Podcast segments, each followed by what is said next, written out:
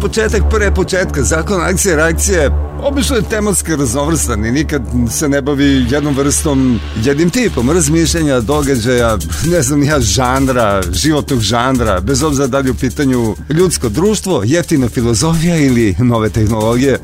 Imam jednog prijatelja koji radi kao dopisnik jedne velike novinske agencije koji priprema jednu veliku temu, pa mi upravo zbog toga i poslao nekoliko pitanja vezani za avijaciju. Ja sada neću to razređivati, sačekat ću naj najpre da to o čemu on piše objavi. A pitanje na koje će ja, verovatno već u sledećoj emisiji dati odgovor onako kako ja to vidim su da li će u nekoj doglednoj budućnosti letelice biti automatizovane kao što već vidimo kod automobila pa zatim da li je moguće da piloti postanu suvišni kao i vozači, pa zatim vidimo da se dronovi koriste za snimanje, spasavanja ali u vojnim operacijama. Dolaze li leteći roboti ubice? A zatim kako je moguće da i uz najnoviji softver, satelite i druge tehnologije potpuno novi avioni padaju poput Boeinga 737 MAX? Konačno, da li će i avioni postati na baterije, dakle električni? Vidimo da neki električni avioni već lete. Znači, o tom potom. A šta smo mi imali ove nedelje? Imali smo, imali smo što što u našim životima. I u okviru ovog prostora i u okviru globalnog prostora koji zauzima ostatak čovečanstva, a ne samo Srbija prošle nedelje smo gledali onu euforičnu polovinu Velike Britanije koja je oduševljena izlaskom iz Evropske unije. A tu i tamo mogli da čujemo i onu drugu polovinu Velike Britanije koju je izlazak iz Evropske unije ožalostio. Ona prva polovina se radovala, doduše nije zvonio Big Ben, nije bilo vatrometa, ali je bilo odbrojavanja i to na onog, kao kada smo dočekivali novi milenijum po sistemu 5, 4, 3, 2, 1, wow! I kada otkucala ponoć, Britanija više nije bilo u Evropskoj uniji. Ako ne do kraja administrativno, jer to će se otegnuti do kraja ove godine, a ono bar formalno za narod to odmah i kod nas izaziva gomilu oprečnih mišljenja. Jedni su za, jedni su protiv. Lično mislim da nećemo nikada ući u Evropsku uniju kako je krenulo. Ako mene pitate, totalno mi je svedno. Mada mi neki evropski standardi veoma odgovaraju i volio bi kada bi bar to učinilo da Srbija postane pristojnija zemlja. A što se ostalih naglažanja, dilema i navijanja tiče, to vam je kao i sa ukusom. Što kaže ljudi, neko voli crnu, neko voli plavu, a ja volem najviše od prasaka glavu.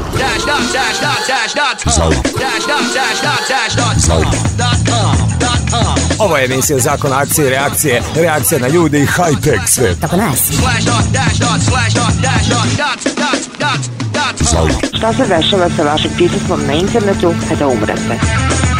Mala komplikacija je u tome da, za razliku od frižidera, se vama umire i vaš sajt, vaša e-mail adresa, lozinka i ko zna šta još. Onda biste morali da nosite jedan ranac na leđima od otprilike 10 do 15 kg. A to i nije baš tako loš dio. Two hours on the radio, right side of high tech. Moje ime je Zoran Modli, a ovo oko mene je High Tech Svet. Zajte.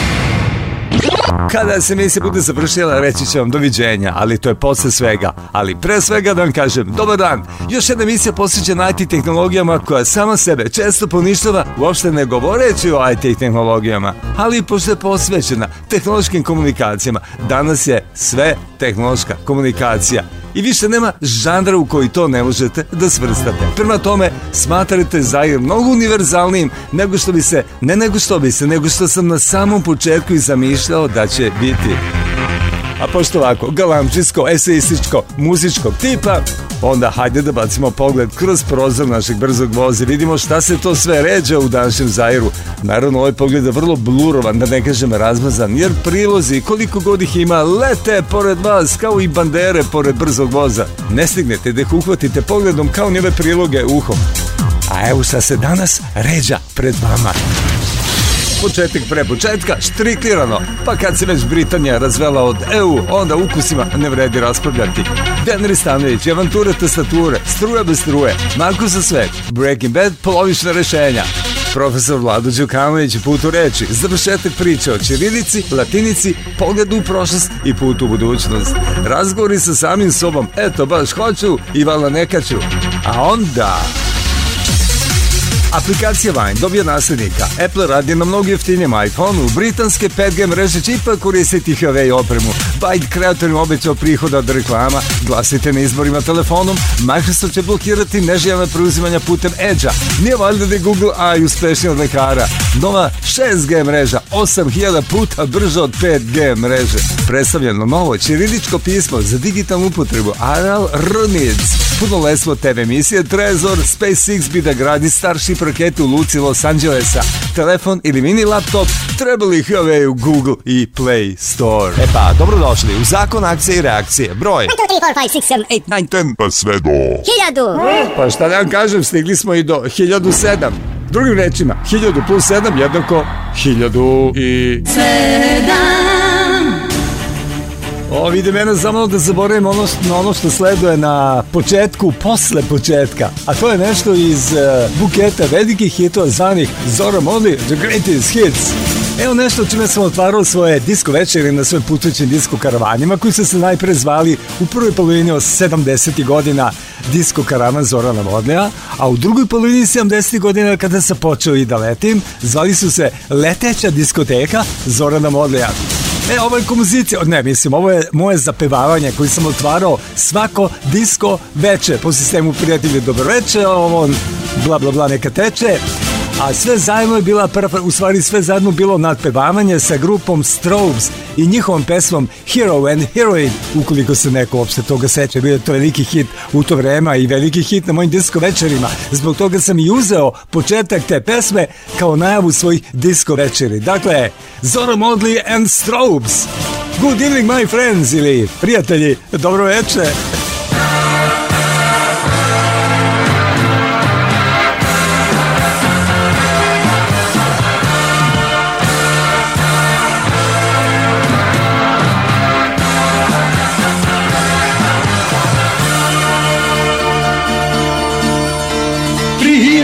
živ dobro veče Ova reka neka teče Raduje me što sam s vama Mlada pada noj Bezbroj puta ja sam teo da se predam srcem ceo Muzici i sada vama jeste lepši deo Hej!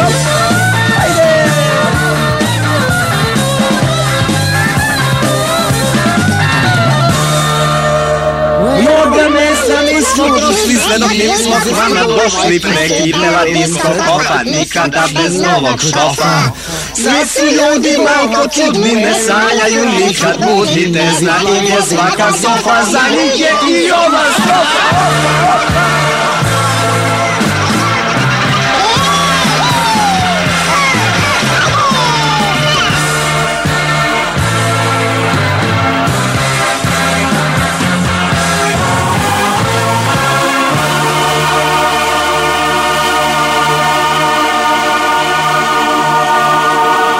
Da, Zorom Unlimited Greatest Hits.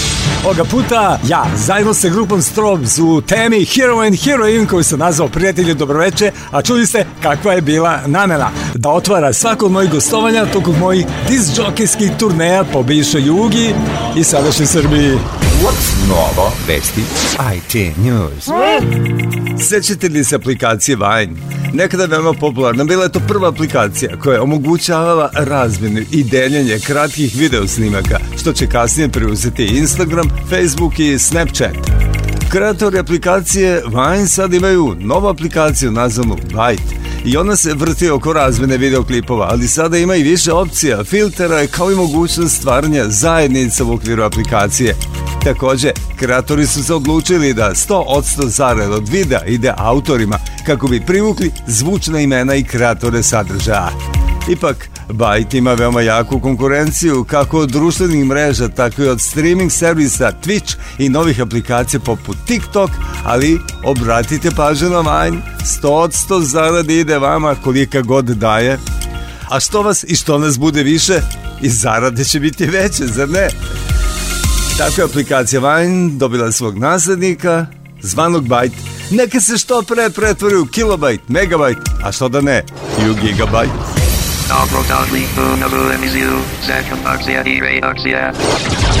Vesti, vesti, vesti, vesti. U prošloj emisiji sam vas onako usvut obavestio da je predstavljen novi fond, u stvari predstavljeno novo ćiriličko pismo za digitalnu upotrebu. A sada da proširimo informaciju. Ajmo iz početka. Prethodne nedelje u Beogradskoj azbuci predstavljen je Areal Needs, novo ćiriličko pismo koje se sastoje od četiri fonta, a čiju izradu omogućila fondacija Registar nacionalnog internet domena Srbije RNITS u saradnji sa udruženjem Tipometar. Autorka fontova je profesorka Fakulteta primenjenih umetnosti Olivera Stojadinović, a fontove moguće besplatno preuzeti sa sajta rnica.com. Olivera Stojadinović, autorka fontova, saopštava da je Arial RNIC kreiran kao slab serifno pismo sa četiri fonta, jer se slab serifna i sans serifna pisma najčešće i koriste na internetu. Pismo je moguće preuzeti u uspravnom i kurzivnom obliku u dve težine. Prikom kreiranja fontova, dakle imate ono normal i bold, jel? Prikom kreiranja fontova autorka je dala prednost njihovoj upotrebi na internetu, iako su u praksi fontovi prevasodno kreiraju za upotrebu štampi, pa pri prilagođavaju. Tokom izrade fonta kontinuirano je testiran digitalni prikaz zbog čega se pismo izuzetno dobro prikazuje i čita na malim ekranima, kakvi su ekrani pametnih telefona putem kojih najčešće pristupamo internet sadržajima. Autorka je naglasila da je pismo pogodno za sve digitalne sadržaje za upotrebu u softverima za kreiranje i uređenje teksta, uključujući i profesionalne softvere za tekst i grafiku docent fakulteta primljenih umetnosti na predmetu pismo, Ana Prodanović je opet sa svoje strane objasnila da svako pismo ima više stilova, težina za isticanje i kurzivnu varijantu, kao što imaju pisma u Wordu, softveru koji dominantno koristimo za kreiranje teksta. A problem pri upotrebi ćirilice u Wordu je što se za pojedina slova koriste oblici ruske ćirilice, čak i kad fontovi imaju srpska ćirilička slova, jer ta slova najčešće podržavaju samo profesionalne aplikacije za tekst i grafiku. Istakla je da je nedostatak kurzini fontova u Čirilici izuzetno izražen, uključujući i besplatne Googleove fontove koje imaju pristojne uspravne oblike.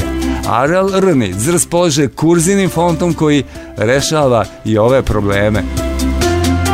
I na kraju da kažem i to da je gospođa Olivera Batejć Sretenović, inače docinskinja na Fakultetu primjenjenih umetnosti na predmetu grafika knjige, objasnila koliko je važna dostupnost adekvatnih fontova jer je često presudna za izbor pisma publikacije ili web sajta Pomenula je da u Srbiji postoji izuzetno veliki broj izdavačkih kuća i da postoji objektivna potreba za kvalitetnim ćiriličkim fontovima koja će posebno doći do izražaja prilikom digitalizacije udžbenika.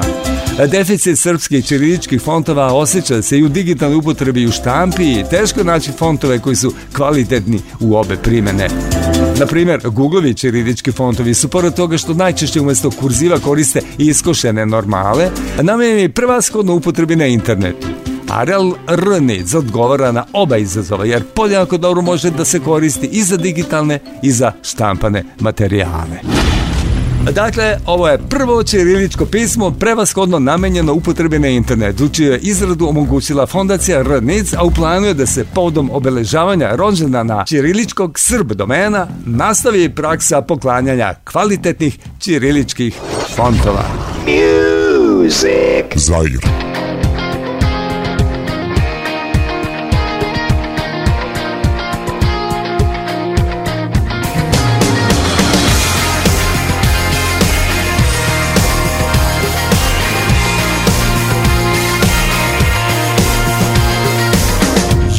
Mama packed y'all up and moved you to the south. Back to U-Haul, cross a one tree yard to a tin roof shotgun house. You didn't know nobody, didn't talk too much. Had a rocking little body with a Yankee strut, a little shy side, a little wild side, with your long blonde hair all pulled up. Then you got in with some Southern bells, cut your jeans off with a rebel yell. Learn to talk of the Bible Belt.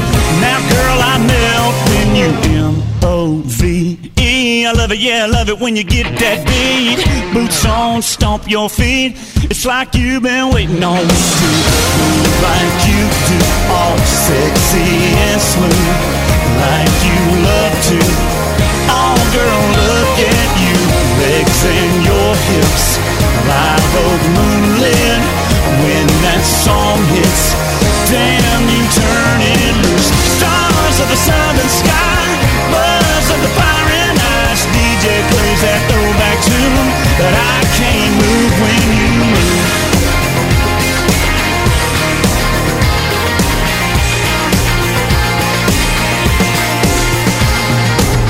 It's like there's something in the air that turns you wild When a country song is way up loud and the sun goes down Right about then you lock eyes on me You got me where you want me, where I wanna be all up in the middle of your left and right, your side to side. Yeah, you're right on time when you're M O V I love it, yeah, I love it when you get that beat. Boots on, stomp your feet.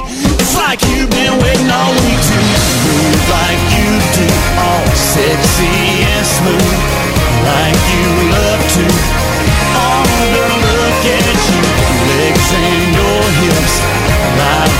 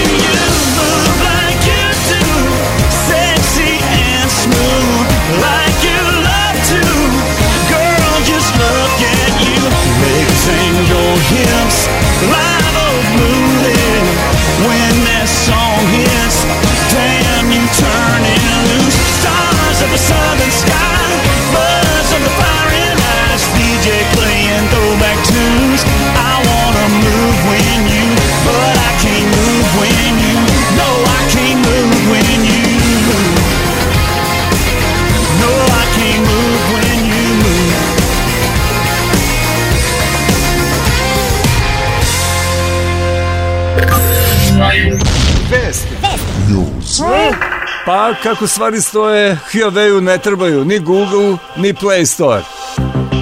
Jedan od direktora Huawei je nedavno izjavio da kompaniji nije potrebna Play Store prodavnica, čak i ako im Google ponovo omogući pristup. Kompanija ubrzo demantovala ovu izjavu nazavši je šalom. Ipak, da li je Huawei delimično u pravu? Naime, po rezultatima prodaje za 2019. godinu, Huawei je imao odličan rezultat, jako je bio pod sankcijama Sjedinih američkih država i drugih, nekih drugih zemalja. Ono što je postaklo ovako veliku prodaju, te je Huawei broj 2, a ispred je samo Samsung. Sve vrsni ekonomski patriotizam u Kini i zemljama Azije, pa su se kupci mahom odlučivali za Huawei uređaje. Takođe, Huawei ima spreman i svoj sobstveni operativni sistem za smartfone i tablete, kao i svoju prodavnicu aplikacija koja je dostupna i u našoj zemlji. U osnovu mi i Kina to su srca dva, a i naši apetiti su se smanjili. Više nismo Srbija odavde do Tokija, nego Srbija odavde do Pekinga. Velika Britanija je pre par dana dala zeleno sveto za korišćenje Huawei 5G opreme u mobilnim mrežama, uprkog zahtevu SAD da se to ne čini. I Evropska unija je predložila zabranu korišćenja Huawei i ZTE opreme, ali se čini da ni od ove zabrane neće biti ništa. Ovo je zimsko izdanje zakona akcije i reakcije. Vredni trutovi, kažete. A ko su to vredni trutovi? Vredni trutovi su dronovi. A o naprednoj primjeni dronova govori Dragan Kosovac. Tokom posljednjih nekoliko godina govorili smo u više navrata o dronovima, bespilotnim letelicama, različiti performansi i načina primene. Oni najnapredniji koriste se u vojne svrhe i prete da same ne, ne samo izviđačke nego i borbene avione. Daleko brojniji su jednostavni uređaji koji pokrivaju širok spektar mogućnosti od sporta i razonode za rekreativne ljubitelje avijacije do profesionalnog snimanja. Budući da dronovi postaju sve pristupačniji širokovi populacija, performanse su im sve bolje, tako se povećava i dijapazon poslova koje će upotreba ovih uređaja olakšati, ubrzati i pojednostaviti. Ovom prilikom osvrnut ćemo se na nekoliko delatnosti kojima će tokom godina koje su pred nama dronovi biti sve zastupljeniji. Grubo govoreći, upotreba, upotrebna vrednost jednog drona zavisi od njegove nosivosti. Naravno, za kvalitetno obavljanje nekog posla potrebno je da veliki broj letnih karakteristika ovog uređaja bude na visokom nivou, ali među njima je najbitnija stavka to koliko dodatnog tereta može da ponese dron.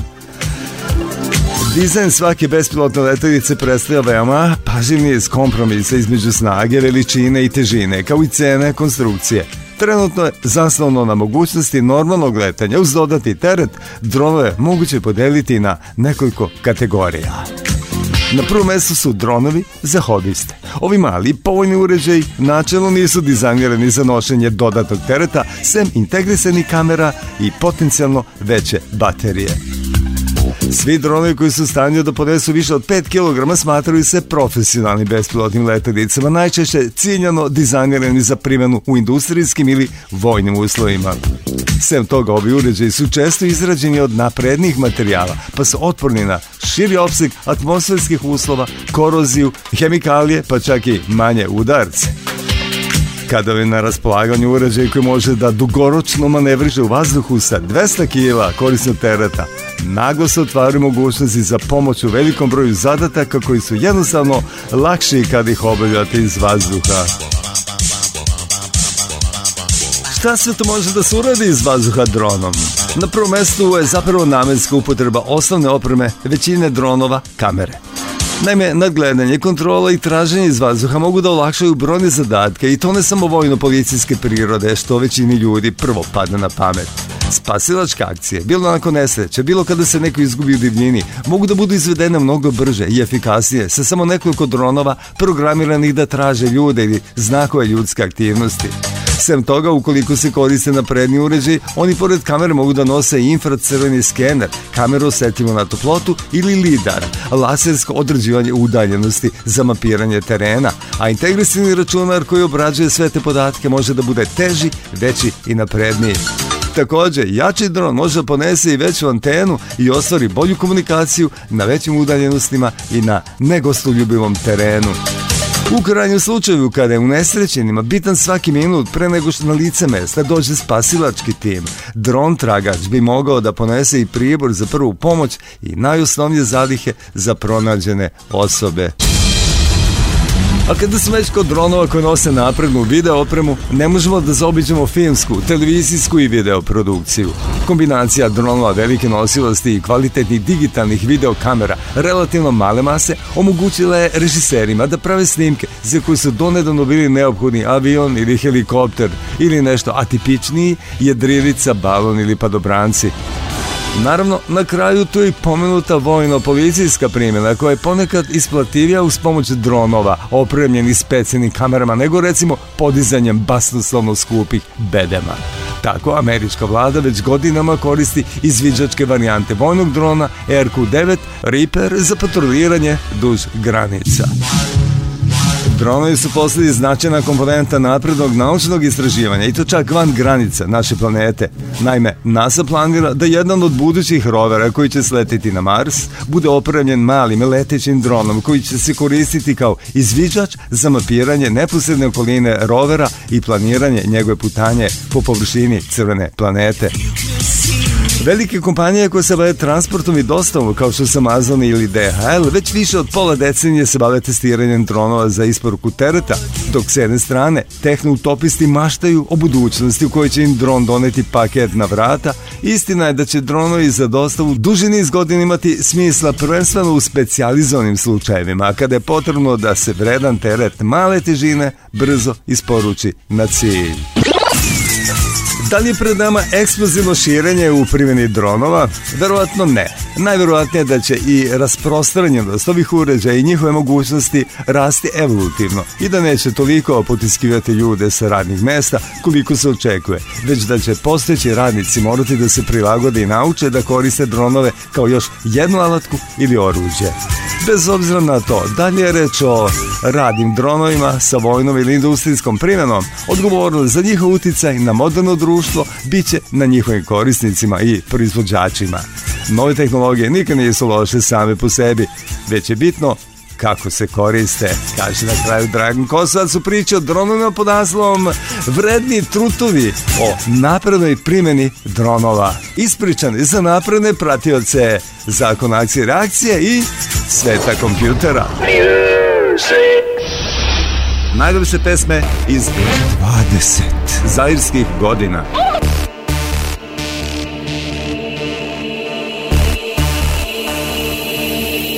You can say what you want, find the part that you've lost somewhere.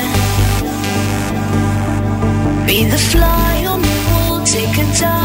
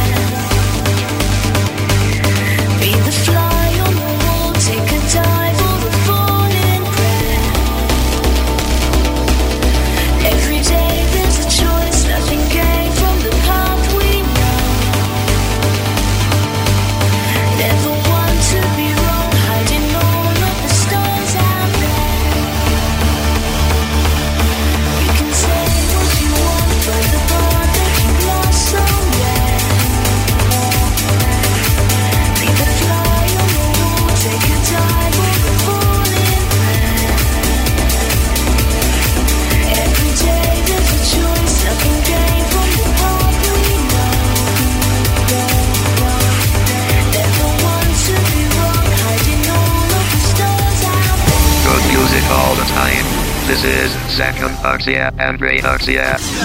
DVD.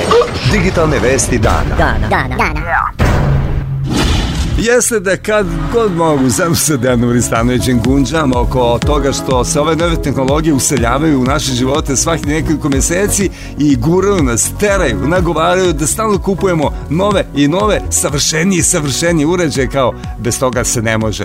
A može se. Zašto ne bismo svoj smartfon koristili bar par godina, a ne menjali ga svaki šest meseci, recimo, ili zašto bismo posle godinu dana očajavanja nad svojim laptopom laptopom ili gaming mašinu jer se pojavio brži laptop i moćna gaming mašina. Ljudi, budemo realni, nisu najnovije tehnologije baš toliko važe da se odmah usele u naš život. Za sve ima vremena, jedino mi nemamo načina niti vremena da zaradimo te pare kojima bismo bili non stop fancy. E, ali ipak se ponovo vraćam 6G mrežama. Eto, često zbog jednog fascinantnog podatka koji ne mogu i vama da prenesem, a on kaže da će nova 6G mreža, koja je zaista nepotrebna, jedni do 5G još nismo dogurali, dakle da će nova 6G mreža biti čak 8000 puta brža od 5G mreže. Ne U većini zemalja još uvijek nije zaživjela ni 5G mreža, već su počeli da spekulišu o 6G mreži sledeće generacije. Kinesko ministarstvo za nauku i tehnologiju počelo je preliminarne pripreme za 6G mrežu koja bi trebalo da donese brzine i do 8000 puta veće u odnosu na 5G mreže. Članovi radne grupe koji čine naučnici sa univerziteta, istraživačkih instituta i tehnoloških kompanija navode kako će 6G mobilne mreže dostići brzine i do jednog terabajta u sekundi. Ostvarili su ovakva predviđenja. To bi značilo da će korisnici moći na svoj uređaj da preuzmu 142 sata videomaterijala u 4K kvalitetu u samo jednoj sekundi. Mislim, samo izvinite, ali šta će vam toliko filmova svake sekunde? Koliko to brzo možete uopšte da binđujete, a da ne poludite? Razumove 6G mreže traće godinama, razvoj 5G mreže, na primjer, pa zapuće još 2008. Pa izočekivati da bi 6G mreža mogla da postane stvarnost tek negde oko 2030. godine. Što mi je sad moram priznati, a i drago mi je uveliko smanjilo količinu adrenalina u krvi.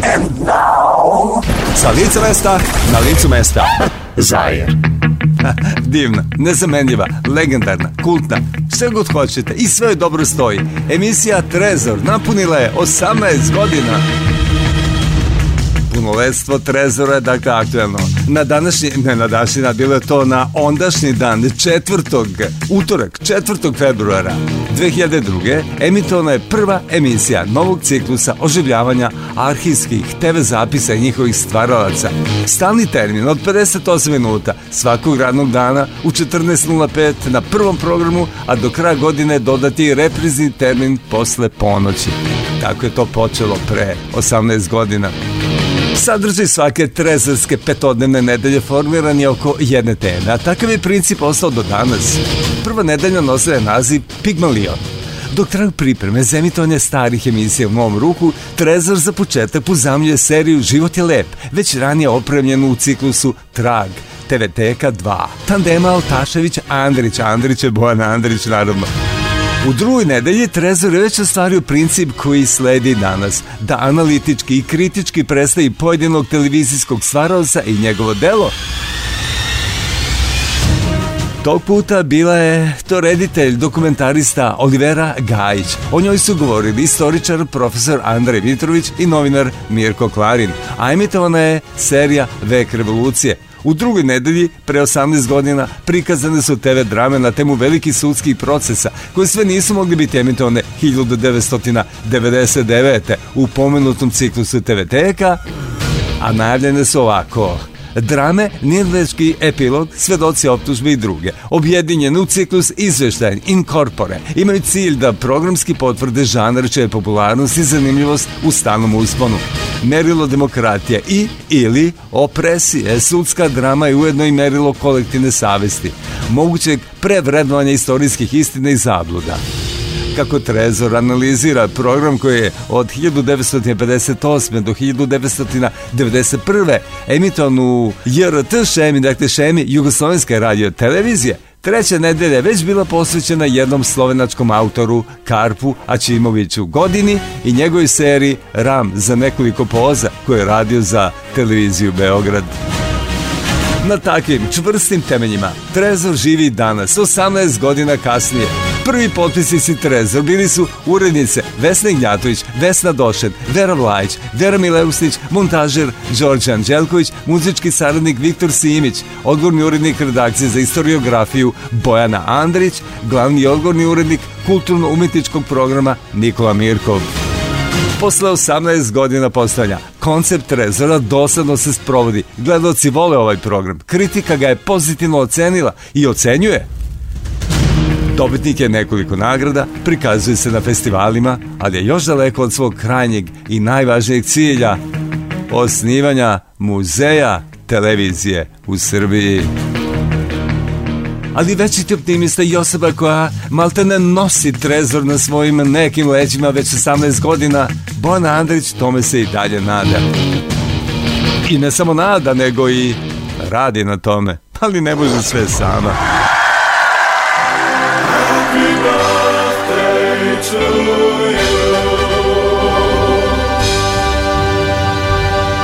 I like this song. Okay, listen and enjoy. Are you ready?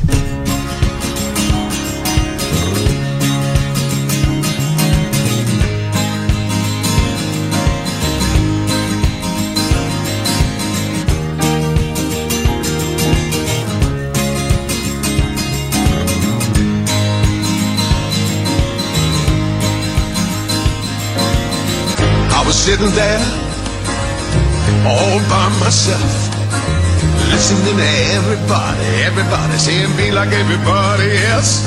Oh, you see, I gotta be me. And there ain't nobody just like this. I got to be me. Oh, baby, hit or miss. And then I look at you sitting there. You're all by yourself. You're listening to everybody, everybody saying be like everybody else. Oh, you see, you gotta believe. And there ain't nobody just like this. You gotta believe. Maybe hit or miss.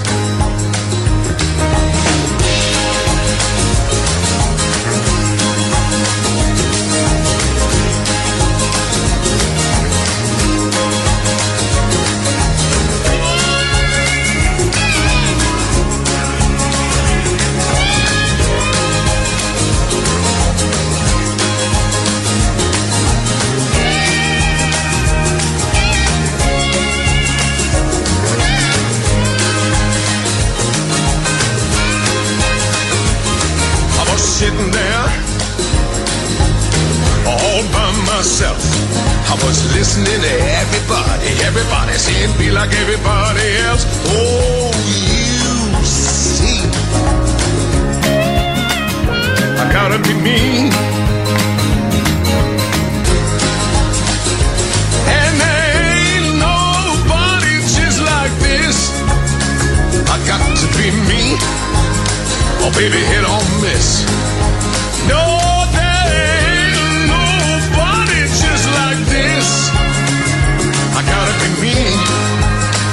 baby, hit or miss. I gotta be me, baby, hit or miss.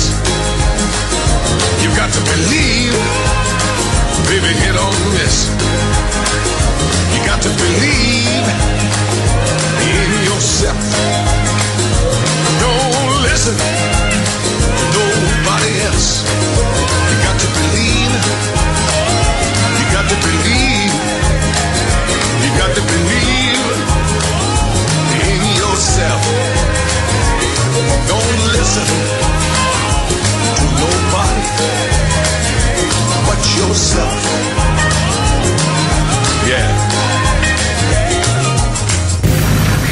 svet i haj muzika oko nas. Zakonaci akcije i reakcije ide dalje. What's novo? Vesti IT News. Evo Apple koji radi na mnogo jeftinijem iPhone-u. Dakle, ukoliko želite novi iPhone ili mislite da je veoma skup, Apple bi mogao da ponudi novo rešenje. Kompanija iz Kupertina koja radi na novom jeftinom iPhone-u potencijalno naginje ka novom iPhone SE modelu. I to bi prema navama iz kompanije moglo da se desi koliko u martu ove godine.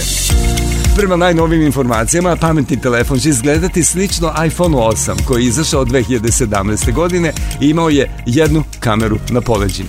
Trebalo bi da ima ekran dijagonale 4,7 inča iPhone 8 je i dalje na svetskom tržištu, a u zavisnosti od regiona prodaje se za oko 450 dolara. Apple prvi budžet telefon izašao je 2016. godine poput iphone 11 serije, na dolazeći telefon bi trebalo da napaja Apple-ov A13 bionički čip. Međutim, u odnosu na najnovije telefone, jeftini iPhone bi trebalo da imaju Home dugme sa integrisanim Touch ID opcijom. Taj telefon ipak neće imati Face ID. Još uvijek nije jasno kako će se zvati uređaj za koji se za sada veruje, kao što rekao, da će nositi oznaku iPhone SE, ali 2. Uh, Rex. They just love new toys now, don't they? Oh, Rekli su o. Prvi! Inspirisan serijom Breaking Bad koji je odbinđovao prošle jeseni, Markus Mak je napisao niz komentara inspirisanih ovom serijom koji inače govori o profesoru hemije koji neizlečivo obole od kancera pluća počinje da se bavi proizvodnjom i prodajom metaamfetamina. Sve u nadi da će time osigurati budućnost svoje porodice. Danas, evo drugog poglavlja ove Markusove priče koje je posle prošlo nedeljnog e, poglavlja samo Breaking Bad, moji komentari, danas ima naslov Breaking Bad, polovična rešenja. Ima jedna važna scena. U nekoj epizodi, kaže Markus, ne znam kojoj, koja sve govori o tome kako treba da se postavite u životu.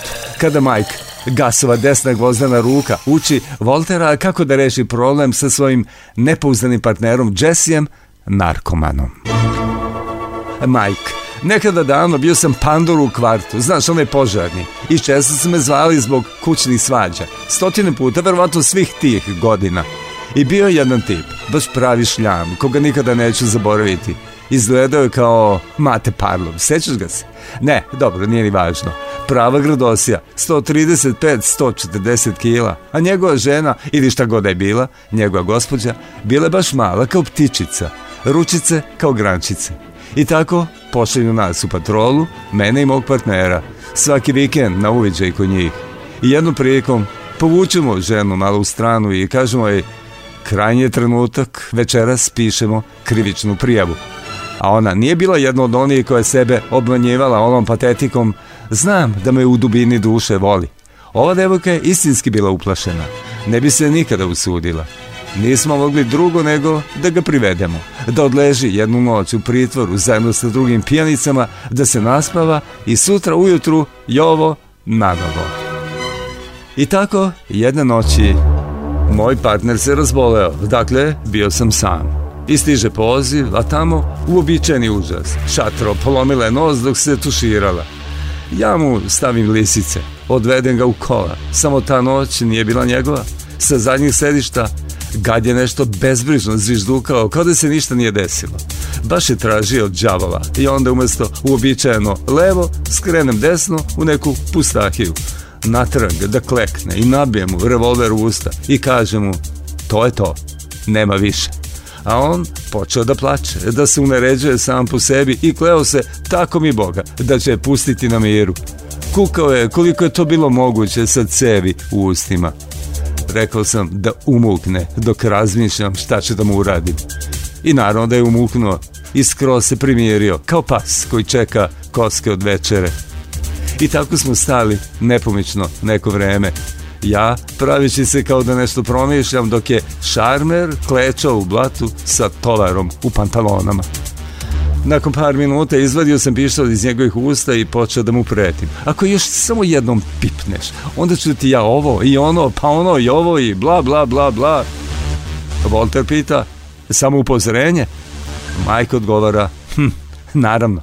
Moje je bilo da pošteno radim svoj posao. Ali dve nedelje nakon toga On ju je ubio. Naravno, nabio je glavu u bazu blendera. Krv je bilo posvuda, da se mogu osjetiti njen metalni ukus.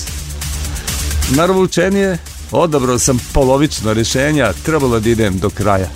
Nikada neću ponoviti tu grešku. Nema više polovičnih rješenja, Voltaire. Da li poznate još nekog ili nešto što će vas satrti ako mu se ne suprostavite do kraja? Ja znam, kaže Markus Maki na kraju. Ove prepričane scene iz odlične serije Breaking Bad. Markuse, hvala i na ovom pismu. Ali još jedno pročitamo pismo ne znači da zajedno više nismo. Naime, sve do sadašnje, ali i buduće Markusove postove možete potražiti na njegovom blogu markusmaki.wordpress.com. Divna prilika da Markusa uvek imate pri ruci i srcu.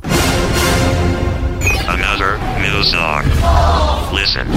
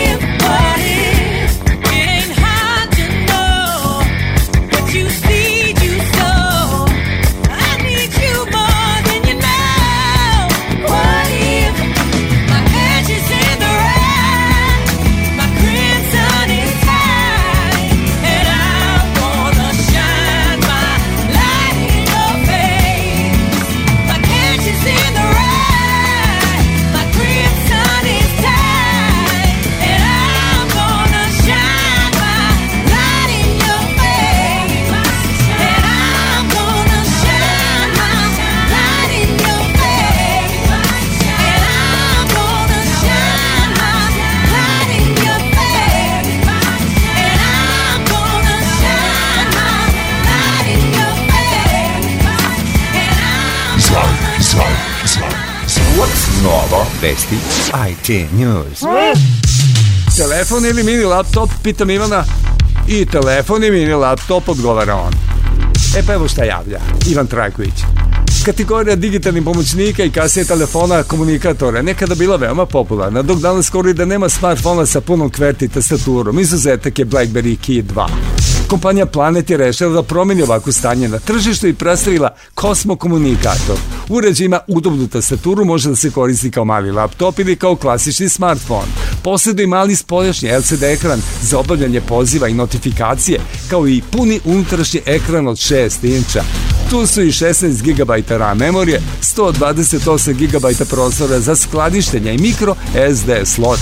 Takođe ima i zvučnike i 3,5 mm pod za slušalice, a sve pokreće Android 9OS. Jasno je da je glavni adult Kosmoa tastatura koja će dobro doći svima koji moraju da kuce velike količine teksta u pokretu, a ne žele da nose laptop. Na tržištu postoji brojne Bluetooth tastature za smartfone i tablet, ali je Cosmo ipak elegantno 2 in 1, 2 u 1 rešenje zanimljiva sprava, a za mene prava.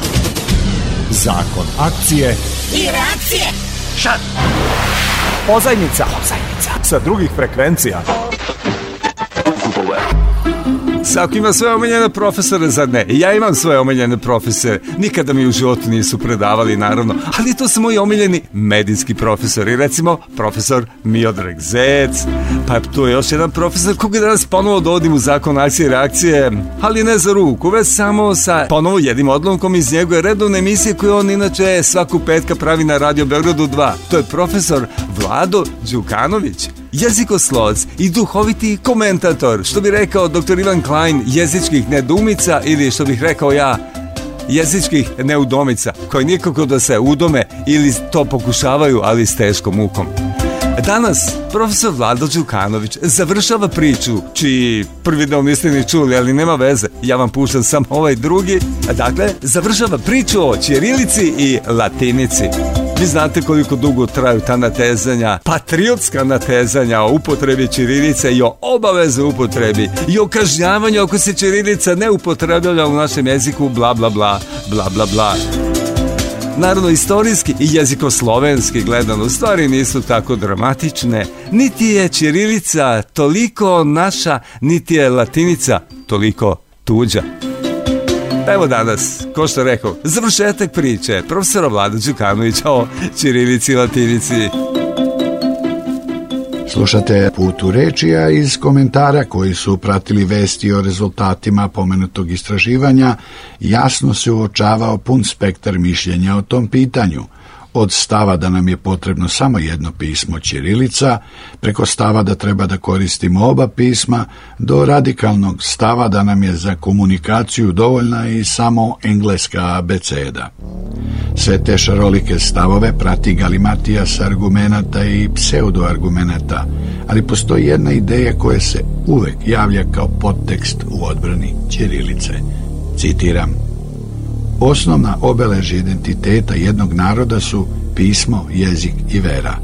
Kao što vidimo, pisma smo se već odrekli, a lagano se odričemo i jezika. Ostaje nam da se odreknemo vere i tada ćemo postati pravi evropljani, građani sveta, kosmopoliti. A u stvari, bit ćemo tikve bez korena ili, bolje reći, niko i ništa nedostaje nam mnogo ponosa i dostojanstva da bismo sačuvali i odnegovali svoju ćirilicu. Kraj citata. Ta ideja ima i skraćenu varijantu. Citiram, ako nema jezika, nema ni naroda. Kraj citata. Ukratko rečeno, ako izgubimo veru, jezik i pismo, nestaćemo kao narod. I mnogi su skloni da se slože s tom idejom – a ja bih voleo da se podsjetimo da su Srbi već jednom u istoriji promenili veru, ali da nisu nestali kao narod. Desilo se to u ona davna vremena kada su naši preci svoju slovensku mnogobožačku religiju zamenili jednobožačkom hrišćanskom religijom. Primanje hrišćanstva među Srbima nije se odvijalo ni brzo ni lako, potrajalo je nekoliko vekova – Pretpostavlja se da je započelo tokom 9. veka i da je okončano do početka 13. Od tada je prošlo hiljadu godina, što je očigledno dovoljno vremena da se zaboravi ta poznata činjenica i da se veza između srpstva i pravoslavlja idealizuje i učvesti kao matematička jednačina. Zaboravlja se takođe da su Srbi već jednom promenili pismo onda kada su staru opšte slovensku azbuku zamenili azbukom kakvu danas koristimo. To se desilo još u 18. veku, kada je započela praksa da se srpske knjige štampaju takozvanom graždanicom, to jest građanskom azbukom.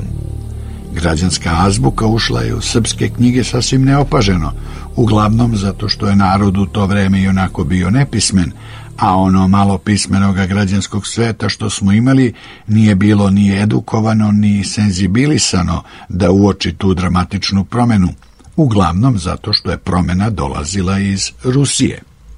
Naime, imperator Petar Veliki odlučio je da reformiše crkveno-slovensku ćirilicu i to je obavljeno pod njegovim nadzorom 1708. godine.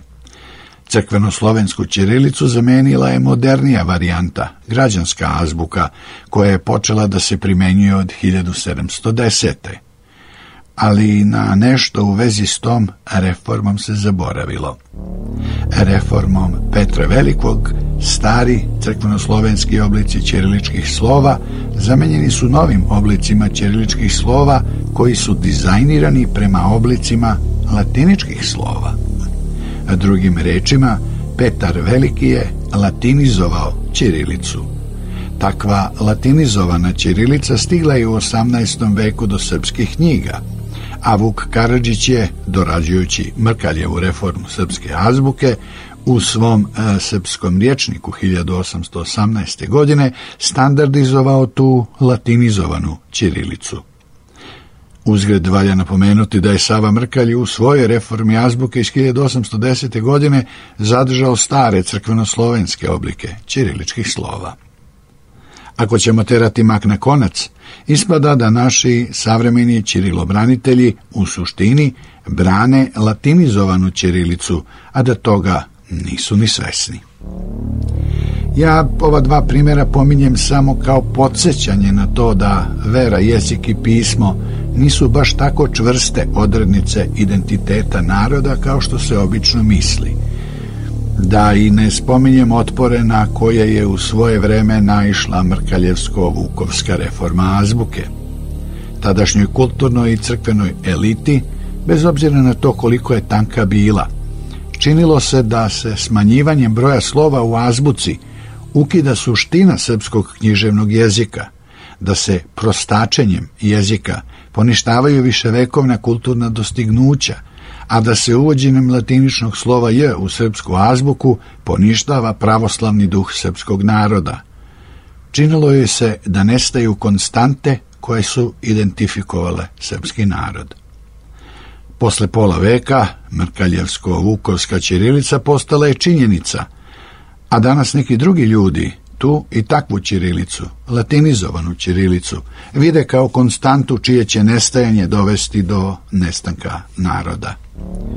Otuda i ona ideja koju smo pomenuli na početku današnjeg priloga, ako nema vere, jezika i pisma, nema ni naroda. Meni se ipak čini da stvari stoje obrnuto opasnost koja nama u budućnosti preti nije da će nestati vera, jezik ili pismo. Nama preti opasnost da će nestati narod. Pogledajte demografske trendove u poslednjih 50 godina i bit će vam jasno o čemu govorim. Ako ne bude naroda, neće biti ni vere, ni jezika, ni pisma. Ali o tome niko ozbiljno ne razmišlja jer mi izgleda nismo sposobni da bacimo pogled dalje od svog nosa i od ovog dana koji živimo. Ako nam pogled kad kad i prebaci nos, to je uvek pogled u prošlost, nikada pogled u budućnost. Bio ovo put u reči profesora Vlada Đukanovića, u kom je, evo sada i pred slušalcima zakona akcije i reakcije, završio svoju priču o Čirilici i Latinici muzika samo za moje uši. Najljepše pesme koji su se ikada vrtale u zajeru.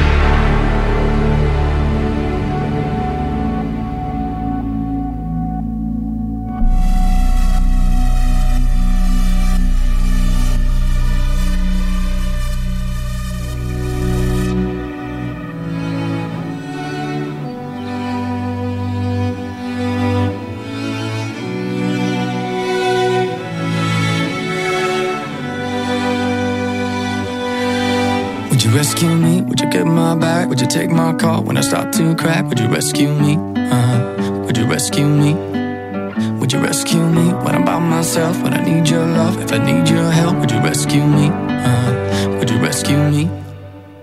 We don't talk much, not anymore. Broken bottles and slamming doors, but we still care about each other. Say we care about each other. I know life took us far away, but I still dream about the good old days. when We took care of each other, we were living for each other. But I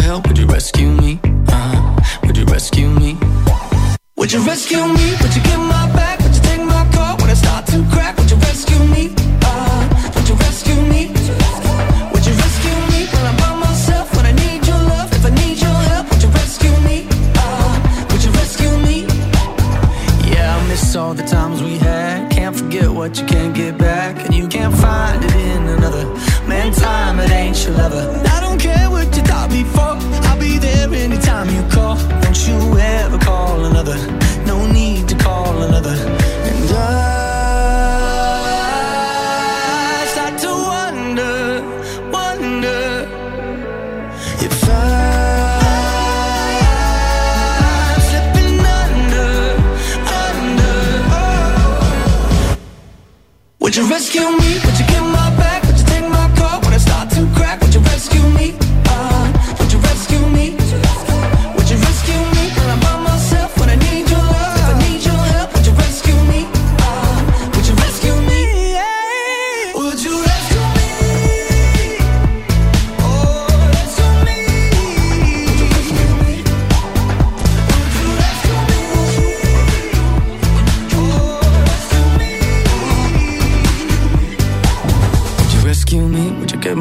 back? Would you take my call when I start to crack? Would you rescue me? Uh-huh. Would you rescue me? Would you rescue me when I'm by myself? When I need your love, if I need your help, would you rescue me? uh Would you rescue me? Best. Best. News.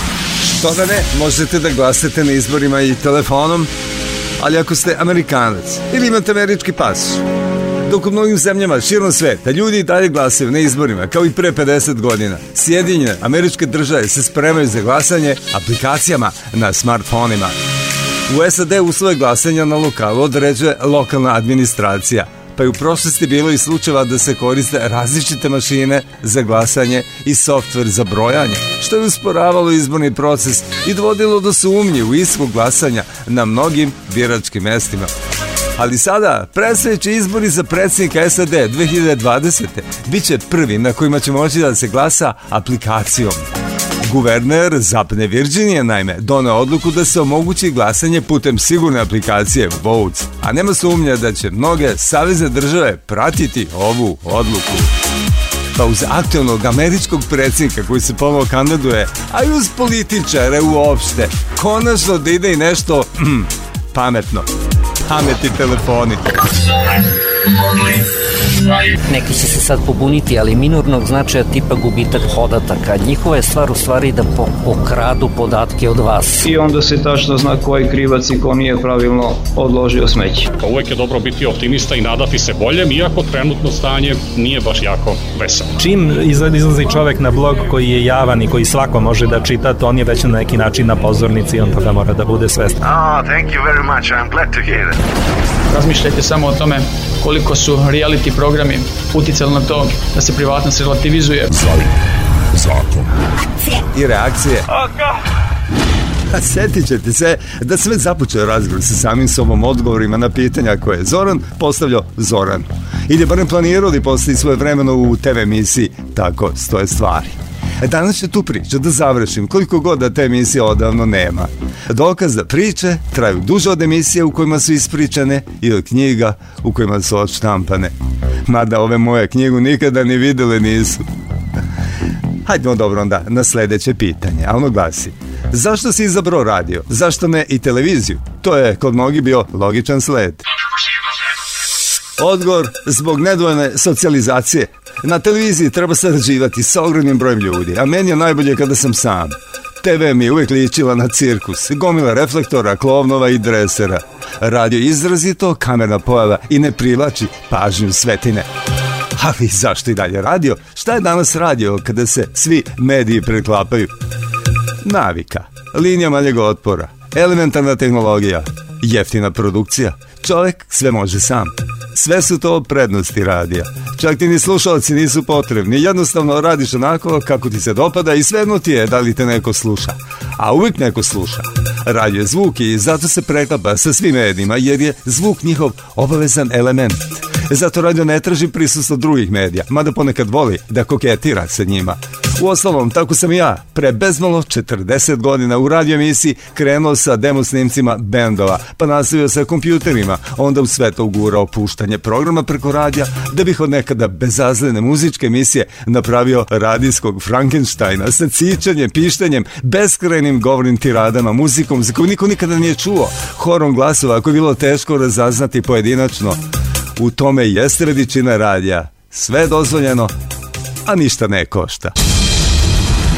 Negde si spomenuo, relativno davno, da si srećan kada sve što ti treba za pravljanje radijske emisije, praktično ceo radio, možeš da nosiš sa sobom. U međuvremenu su sve to smestili u mobilni telefon. Gde je tu pozicija čoveka?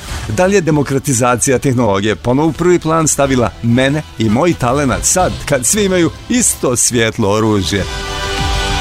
E pa ako ćemo tako, onda su i svu televiziju smestili u mobilni telefon. Jesu li? Ponekad radijski mikrofon mora da bude high fidelity i primi sve one harmonike koji čine bogatstvo zvučnog spektra. Ponekad objektiv mora da bude oko sokolovo i fokusira se na tačku u prostoru umesto da ga spljošte u široko ugoni mizanscen. Možemo da operišemo na nižem nivou i da to kompenzujemo idejnošću, ali kreativan rad nema samo jedan element, ideju. Potpuna kreacija više slona i podrazumeva idejnu i produkcionu i tehnološku perfekciju. E zato će profesionalcu uvek biti potrebno još nešto osim gadžeta koji će strpati u gornji levi džep sakoa.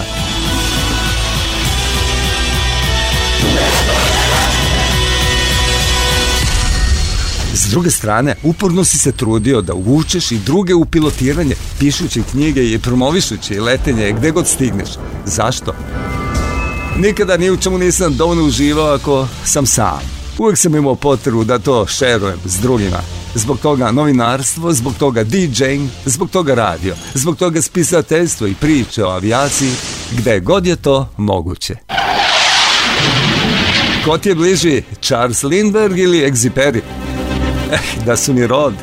Lindbergh imao bogom dano samopouzdanje i jedan od Exiperijevih talenata. Talenat da namiriše pravu avanturu ostali imao ovaj egziperi. Zato ga kujem u sve one zvezde koje je opisivao u svakoj od napisanih knjiga. Ne samo u Malom princu, posle Biblije valjda najtiražnije knjizi na svetu, već i u legendarnoj zbirci koji čine Pošta za jug, Noćni let, Zemlja ljudi, Ratni pilot i pismo Taocu.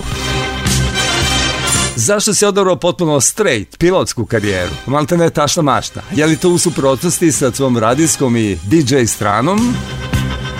Nikada nisam ni bio naročito razbarušen tip. Ja sam ti ona iz Bregovićeve pesme Uvijek sam bio pametno dijete, tako kažu, prav zubiće, prije ručka rukice, za mamine goste učio pjesmice i šta? Uvijek sam bio pametan momak, još sam uvijek, pametno početi, fakultet odabrati, pametno se ženiti, pametno stariti i šta? Da bi onda krenuo refren Pusti, pusti, o, pusti me, hoću bar jednom, eto baš hoću da budem blesav. I vala, Nekad ću. Urednost i određena metodičnost bile su mi zaštitni znak. Kao osnovac crtao sam stripove, vrlo uredno, crticu po crticu i tačkicu po tačkicu sa onim oblačićima teksta. Želeo sam da budem ilustrator, pa karikaturista, pa kinooperater u bioskopu, pa režiser, pa novinar i sve sam to bio, pomalo, ponegde i pokad kad. Najduže novinar, dok nisam došao na radio. A radio, radio me je držao sve vreme, od predškolskog do zrelog doba, a dočepao sam ga se zahvaljujući disk džokejskom poslu. No, ta priča već poznata. Odlazak u avijaciju je moj zakasnili intimni zavet samom sebi. Otac je otišao od nas na moj treći ili četvrti rođendan, ne znam tačno. Odrastao sam uz majku, pa još jedinac. Srećom uspeo sam da upoznam oca 20 godina kasnije u jednom dalekom gradu, neposredno pred njegovu smrt. Iz prve ruke sam čuo njegovu životnu priču, a na tom mestu nastavila se moja.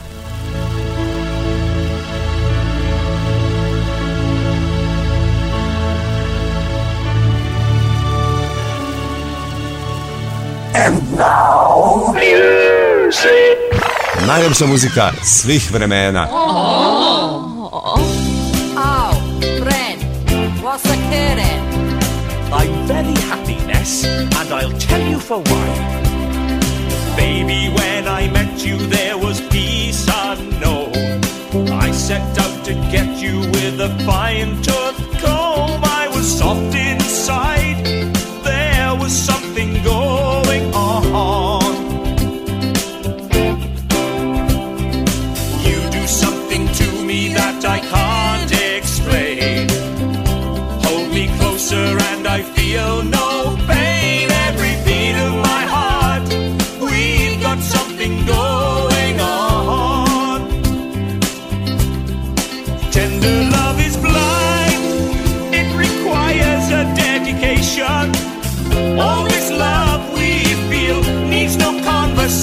we ride it together.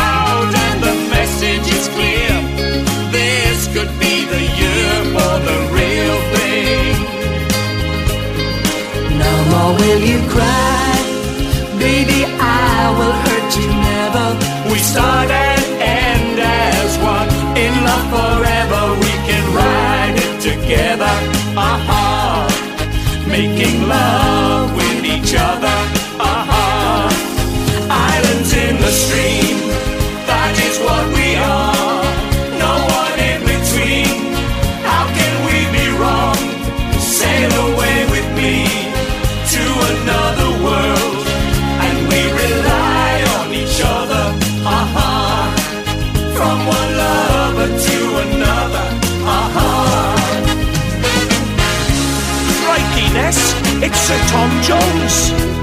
Alright, Tom, how's it going, alright? Sail away.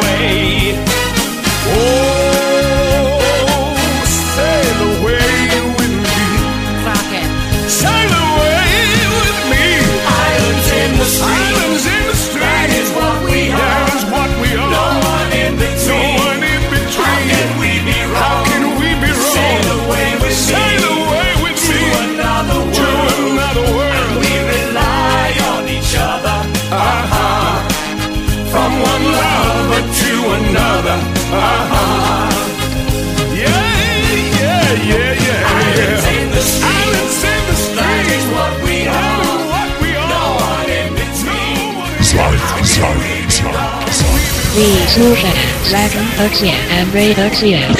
Nastavak priče o Bajtu koji je kreatorima obećao prihode od reklama. Gde smo govorili dakle, danas o Bajtu kao reinkarnaciji nekadašnje platforme Vine. Evo sada još jednog malog proširenja informacije vezane za prednosti Bajta.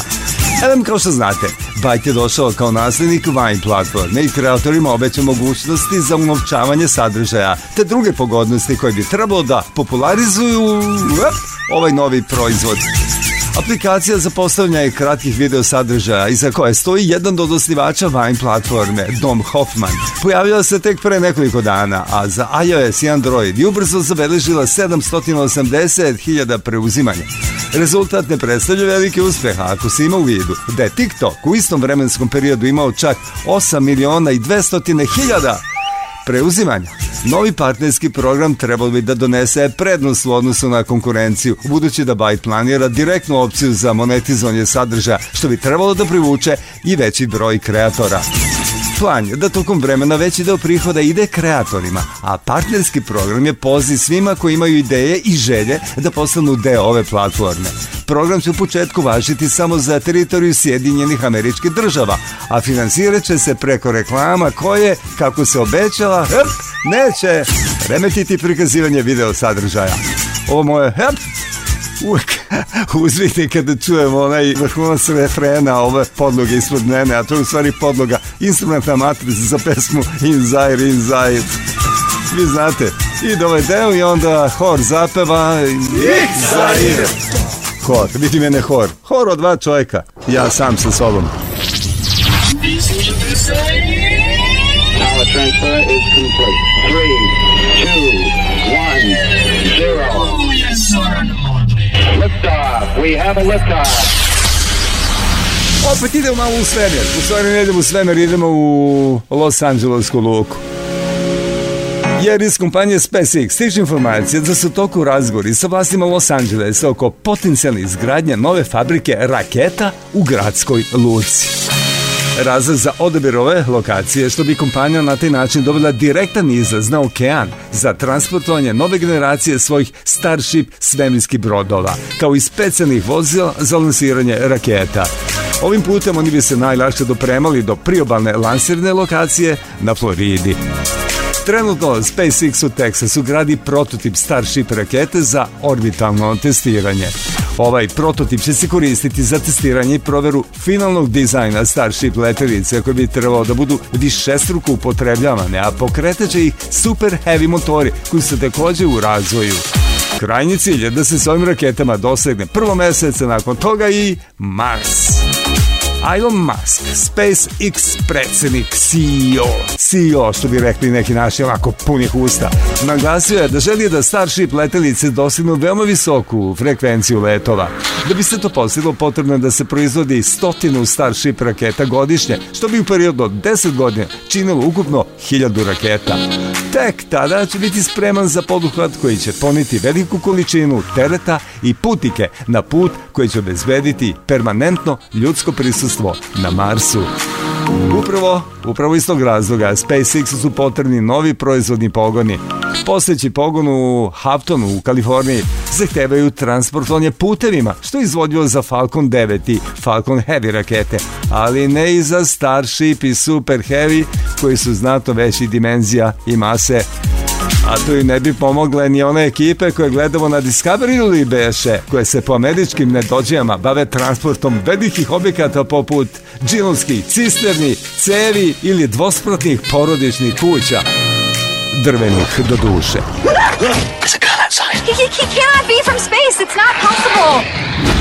Najljepše pesme koje su se ikada vrdele u Zairu.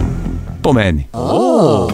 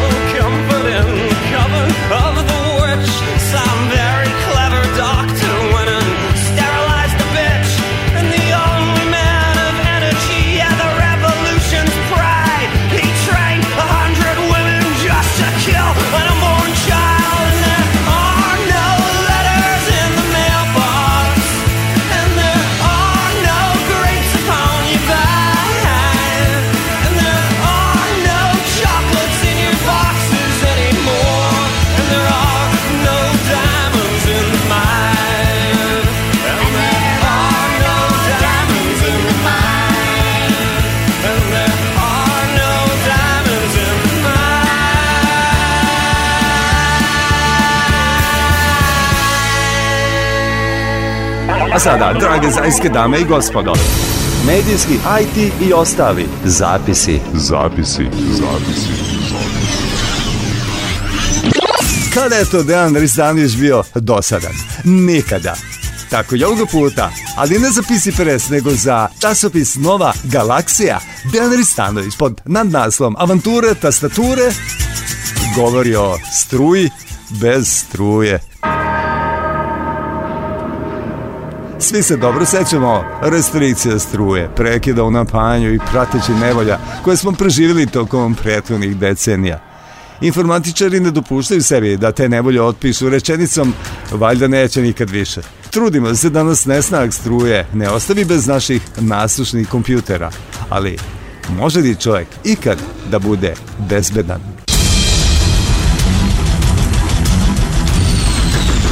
E, sve više korisnika se u svakodnevnom radu oslanja na notebook računar koji nestanak struje neće ni primetiti. Baterije mu omogućavaju 5, 6 ili više sati rada, a do tada će valjda i struja doći. Kada se radi o računarima u firmi, stvari su komplikovanije. To su uglavnom desktop računari i serveri, pa će neznak struje obrisati ono što trenutno radite, a možda i oštetiti podatke na disku. Zato je, naročito kada se radi o serverima, neophodan UPS, Uninterruptible Power Supply, koji može da napaja server dovoljno dugo da se podaci upišu na disk i onda sistem kontrolisano spusti. Uz malo jači i skuplji, ups, moguće da su i bolje stvari. Recimo da se neko vreme napaja mrežna oprava, kamere za nadzor, bitna svetla, omogući otvaranje rolo vrata garaže. Sve zavisi od kapaciteta i projektovnog intervala, nemanja struje u data centrima gde se mora omogućiti 24-časovna dostupnost opreme i servisa, postoji agregati koji, ako im dosipate dizel, mogu neograničeno dugo napajati opremu. I tako, sve to lepo smislite i projektujete, pa mislite da ste bezbedni. Dok se ne desi. U večernim satima dana kada počinje ova priča, završavao sam posao i spremao se da krenem kući. Kad tras, nestade struje, iako se takve stvari prilično redko dešavaju. Sve je bilo spremno. Računar je mirno nastavio da radi povezana ups, a upalila se i zidna svetiljka. Čekao sam nekoliko minuta, nadajući se da će struja odmah doći, a savršenu tišinu kvarili su piskavi zvuci iz serverske sobe gde se nalazi APC 3000 XL i UPS koji napaja mrežnu opremu, kamere za nadzor i ostalu bitnu elektroniku. Zvuk upozorenja se čuje na svaki 10 sekundi i baš iritira, što sam znao i kada je pre oko godinu dana taj up skupljen, pa sam odmah poželeo da ga učutkam. No jedno je poželeti, a drugo uraditi. Zujalica ne može hardverske da se isključi. Dobro, uz male sečice bi svašta bilo moguće, nego mora da se instalira APC-ov softver, da se računar poveže sa UPS-om neobičnim RS-232 kablom gde je sada taj kabl i da se onda luta po tekstualnim menijima. Zanimljivo je da znatu jeftinije, APC Smart Upsovi imaju USB port pa je podešavanje lakše, dok za 3000 XLI treba dokupiti mrežnu karticu koja je delovala preskupo.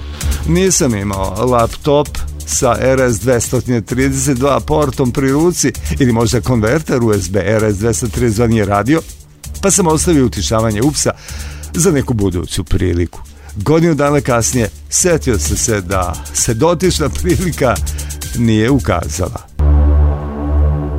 Pošto ups pišti pravo u mozak, odlučim da ugasim zvuk ručno. Najzad koliko to može da bude teško? Postoje samo dva tastera, pa mora da je jedan od njih. Doduše, neki od tastera gasi upsalije, valjda za to potreban duži pritisak, neće tek tako da se isključi. Odem do serverske sobe, setim se gde je ups, gurnem ruku mrak ispod stola, pritisnem jedan od tastera, slučajno izabran, kad ono Dobro veče, Marfi. Upse, isključi. Sva pažljivo izabrana sveta u susednim prostorijama se pogasiše. Ugasi se čitav rekorman internet. Svetli samo ekran servera koji je na drugom upsu kao i neonka koja je na istom tom napajanju. Pogledam bolje sreće da mobilni telefoni imaju LED lampu i naravno pritisnu sam taster 0, a ima još i taster 1. Pritisnem 1, bipne i ništa pritisne duže, bipne i ništa. Ups, očito odbija da se uključi kad nema struje, baš glupo smišljeno. Nemam i onda druge nego da udem pametan, od toga obično nasradam, ali nikako da naučim.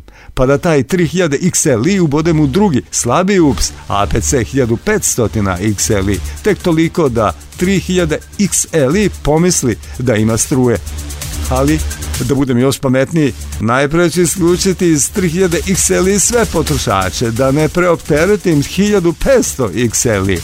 Uprko smraku počupam utikače, utekne veći ups u manji, uključim... Boing, boing, bum, ras, plus ras. Bum, čak, 3000 XL XLE se ponovo ugasi i da on kada dođe struja povuče svoja 3 kW čisto koliko to bude siguran a i 1500 XLE se također ugasio sa njega se smeši samo dioda koja signalizira preopterećenje Server koji je bio na 1500 XL uf, nema ga i neonka se ugasila totalni mrak neonku prebacim na treći ups APC Smart Ups 1000 tu je negdje četvrti APC Backup Pups 500 koji napaja storage server nas, ali se on neće koristiti u ovoj priči. Te koliko da vidim šta radim dok ponovo priključujem potrošače koje sam počupao iz 3000 XLI-a. A pa za dalje, pa svoju pamet sam iscrpio. Idemo na internet. Sreća da mobilni telefon koristi sobstvene baterije. Začas naučim da se ono što je meni potrebno zove cold start UPS-a i pročitam u nekom forumu da se za APC UPS-ove cold start procedura zahtjeva dužim preko 30 sekundi pritiskanjem tastera 1. Pritisnem ga ja i držim prvo 30 pa 40 sekundi, prst mi se već ukočio. izdržim minut i ništa posjetim neki drugi forum, isto piše. Najzad downloadujem PDF uputstva, baš za 3000 XLE, ali prokleti mobilni Office neće da ga otvori, kaže neprvima verzija PDF-a. Tu je negdje laptop, ali dok sam išao do njega, setim se gde stoji papirno uputstvo od upsa. Dobro je, tu je i onaj neobični RS-232 kabel. Prelistam ga i nađem da za Cold Star treba držati taster jedan pritisnut dok ne bipne, što se desi posle možda 2-3 sekunde i onda dok bip traje, otpustiti taster. Kakva glupost!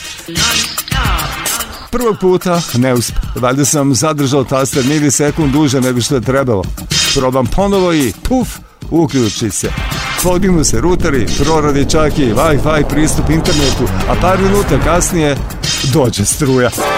Važno je da mi nije bilo dosad u mraku, što sam platio dodatnim čekanjem da se rebuilduju indeksi na serveru koji je surovo isečen sa napajanja. I Šta sam iz svega naučio? Džabe tovorite opremu i mislite da ste time rešili problem. Niste ništa uradili ako na vreme ne isprobavate disaster scenariju. Gasite sami struju i gledajte šta se dešava i gde su problemi, pa ih otklanjajte pre nego što stvarna nevolja nastupi. Da, to vas uče u svakoj školi, ali malo ko to radi u realnom životu. Kaže da na kraju sve priče o avanturama tastature, iskustvu sa strujom, bez struje, duhovitom iznad svega poučnom iskustvu koji ispričao najpre za čitaoce nove galaksije. A evo sada i za slušalce Zaira. I like this song. Okay, listen and enjoy. Are you ready? Zair.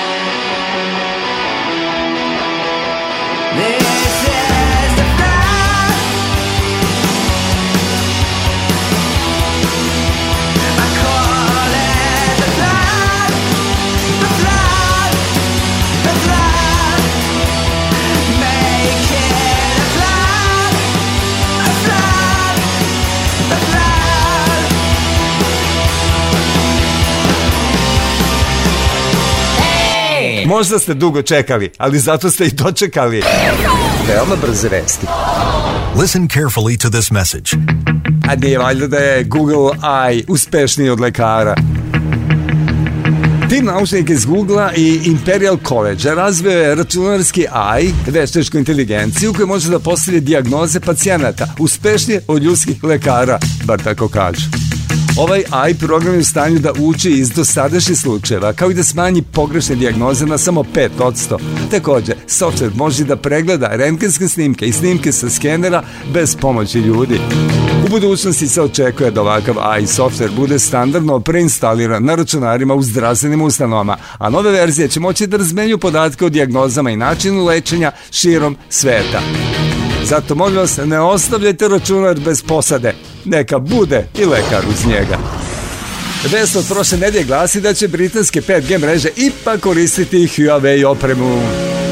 Iako je administracija SAD preporučila svim saveznicima da ne koriste opremu kineskih proizvođača Huawei i ZTE, britanski telekom operateri će ipak koristiti deo uređaja Huawei u 5G mrežama. Ovako odluku je odobrio i premijer Boris Johnson, a navedeno je da bi bez ove opreme 5G mreže nove generacije znatno kasnile. Ipak, operateri će morati da dobiju dozvolu za svako parče opreme posebno, a ključni delovi mreže će morati da koriste uređaje drugih proizvođača. Predsjednik Donald Trump je rat sa Huawei započeo zbog predsjedniče izborne kampanje u SAD, a najavljivo i povratak fabrika elektronike u SAD iz Kine i Vjetnama, što se nije dogodilo. Veoma brze vesti. Evo još jedne male zaštite za sve nas. Microsoft će blokirati neželjena preuzimanja na novom Edge pretraživaču. Microsoft dakle planira da blokira potencijalno neželjene programe koji bi mogli da budu preuzeti preko njihovog Edge pretraživača. Ovi programi ne moraju nužno da budu virusi, već mogu da budu i toolbarovi koji vam dosađuju reklamama i obaveštenjima, kao i kriptomajneri koji koriste resurse vašeg računara bez vašeg znanja i u tuđu korist. Edge već koristi određene tehnologije tehnologije poput smart screen filtera koji brane njihove korisnike od pretnji sa interneta. Međutim, očekuje se da će nova verzija Edge-a u tome biti još bolja. I to je jedna od onih stvari u kojima uvek kažem neka komšiji crkne krava. Komšiji koji mi dosađuje toolbarovima, reklamama, obaveštenjima i ponekim virusom. Hoće da budem jak, jako kao Microsoft, jak, lak, laka jak. Zato je i projak je.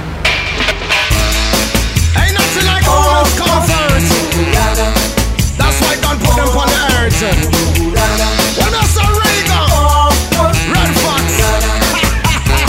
Watch baby. I got something stuck in my mind. Think I know what it is. What is this, my boy? It starts with your name. And always end up with a king. Peter.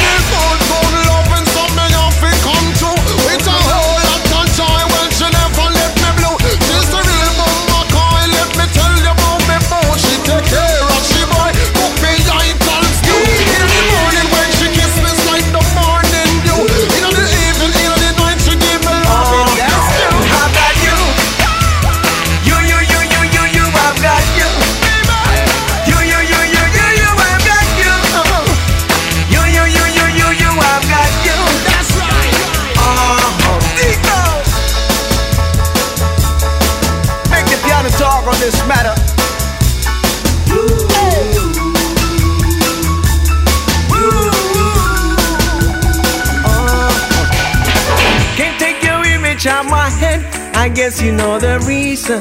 I want what is this, Rigo? That even if it rains, you make my sunshine no matter the season. Lord have mercy. Oh, oh. And I can't be without it, now. Can't live without it. Nothing like a woman, you know that. So if you see me run around like a madman singing words like this. Well,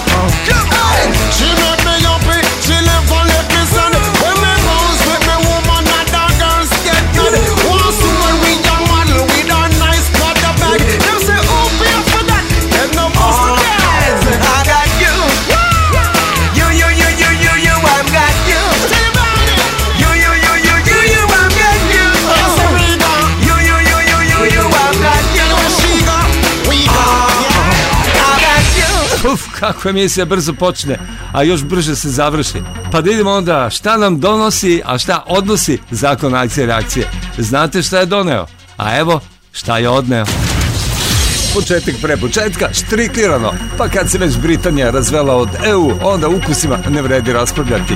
Denri Stanović, avanture tastature, struje bez struje, Marko za svet, Breaking Bad, polovična rešenja.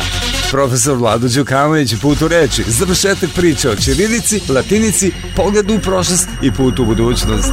Razgovori sa samim sobom, eto baš hoću i vala nekaću. A onda... Aplikacija Vine dobija naslednika. Apple radi na mnogo jeftinijem iPhone-u. britanske 5G mreže će ipak koristiti Huawei opremu. Biden kreatorima obećao prihoda od reklama, glasite na izborima telefonom, Microsoft će blokirati neželjena preuzimanja putem Edge-a. Nije valjda da je Google AI uspešniji od lekara. Nova 6G mreža, 8000 puta brža od 5G mreže. Predstavljeno novo čiriličko pismo za digitalnu upotrebu Aral Rnic. Puno lesmo TV emisije Trezor, SpaceX bi da gradi Starship parketu u Luci Los Angelesa. Telefon ili mini laptop trebali ih ove u Google i Play Store.